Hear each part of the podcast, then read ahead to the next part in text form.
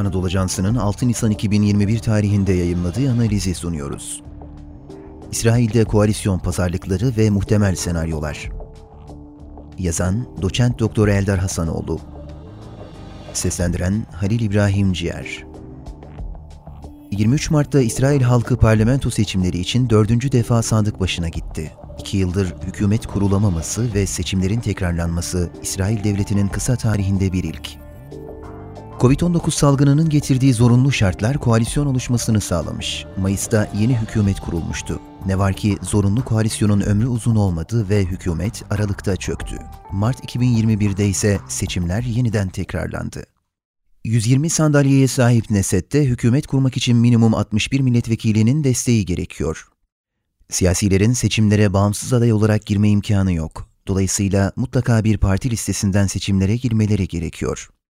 İsrail'de seçim barajı %3,25 olduğu için çok fazla oy alamayan partilerde Neset'te temsil imkanı elde edebiliyor. Toplumsal kamplaşma ve siyasetin tıkanması İsrail'de koalisyon kurulmasını engelleyen siyasi tıkanıklığın sebebi ülkedeki dini ve siyasi kamplaşmadır. İsrail toplumu siyasi tercih konusunda parçalı bir yapı arz ediyor. Bu kamplaşma spesifik olarak üç seçimde arzu edilen sonuçların alınamamasında da en temel faktör oldu. Daha genel olaraksa parçalı toplumsal yapı seçim vaatlerini gerçekleştirme ve siyasi erki kullanırken gözetmek zorunda oldukları dengeyi ayarlama hususunda siyasetçilere pek hareket olanağı tanımıyor. Mevcut seçimlerde buna bir de Netanyahu karşıtlığı ilave edilmeli. Hakkındaki yolsuzluk iddiaları, parti içi rekabet, ekonomik zorluklar, toplumsal refah dağılımındaki eşitsizlik gibi faktörlerin etkisiyle hem toplumsal hem siyasi arenada Netanyahu'nun parti liderliğinden ve başbakanlık koltuğundan düşürülme talepleri çok güçlü bir şekilde dile getirilmekte. Hatta bu talep siyasi rakiplerin en büyük önceliği oldu ve partiler arası ittifak görüşmelerinde koşullar listesinin en üst sırasında yer aldı. Netanyahu yanlıları ise onu sol cenahın siyasi elitlerinin hırslarına kurban etmeyeceklerini vurgulayarak onun pandemi sürecini başarıyla yönetmesi, Arap ülkeleriyle normalleşme ve İsrail'in Müslüman-Arap siyasi aranasında tanınması gibi başarılarının altını çiziyorlar. İsrail toplumundaki dini kamplaşma esasen Yahudilerle Müslümanlar arasında. Fakat bu bağlamda Yahudileri temsil eden partilerin tabanları arasında dine bakış açısından kaynaklanan sağ ve sol cenah şeklindeki kamplaşmadan da bahsedilmeli. Hükümet koalisyonunda Müslümanların siyasi temsilcilerine de yer verilmesi, yönetim erkinin onlarla da paylaşılması Yahudi elitler için hassasiyet konusu olduğundan bu durum dini ve güvenlikle ilgili argümanlara dayandırılıyor. Bunun yanında Müslümanların da Yahudilerle birlikteliğe sıcak bakmadığına, özellikle asker kökenli liderlerin Müslümanlara karşı yapılan operasyonlardaki rollerini dikkate alarak onlarla araya mesafe koyduklarına işaret edilmeli. Tarafların birbirlerine karşı sergiledikleri bu çekimser yaklaşım 2018 sonrası tüm seçimlerde koalisyon kurulmamasının sebeplerinden de sayılabilir. Dini dünya görüşlerine binaen sağ cenah onlardan uzak durmayı tercih etmekte. Hal böyleyken destek açıklamasında bulundukları sol cenah içinde de var olan onları dışlayan yaklaşımlar birlikte koalisyon oluşturmanın uzakta olduğunu ortaya koydu. Koalisyon senaryoları 23 Mart seçimlerinin koalisyonla sonuçlanıp sonuçlanmayacağı toplumsal kamplaşma ve Netanyahu karşıtı bloğun tutumuyla netleşecektir.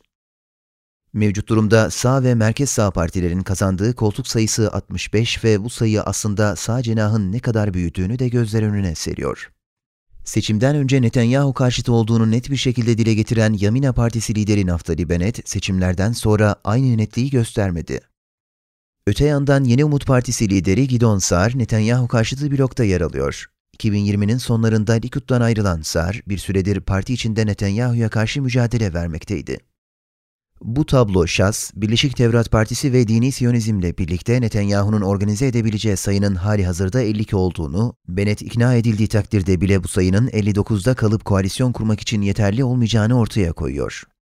Şayet Sar koalisyona katılmaya ikna edilemezse, eksik kalan iki milletvekili için Netanyahu'nun önünde kalan tek seçenek karşı cenahın ılımlılarından destek arayışı olacaktır.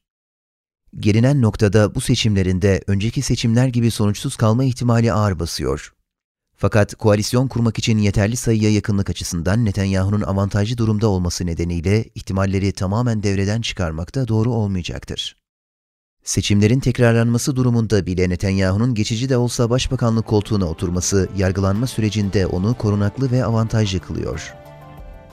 Değişen dinamikler açısından üzerinde durulması gereken konular, Netanyahu'nun sürekli vurguladığı muhafazakar ve milliyetçi hükümetin İsrail'i taşıyacağı nokta ve bu gerginliğin Orta Doğu'da yükselen radikalizm ortamına nasıl yansıyacağı ve diasporadaki liberal Yahudilerin bu duruma yaklaşımlarının ne olacağı gibi uluslararası sorunlardır.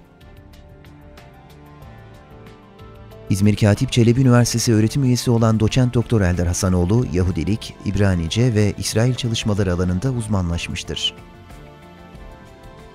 Spotify, SoundCloud ve diğer mecralardaki podcastlerimizi dinlediğiniz için minnettarız. Lütfen abone olmayı unutmayın.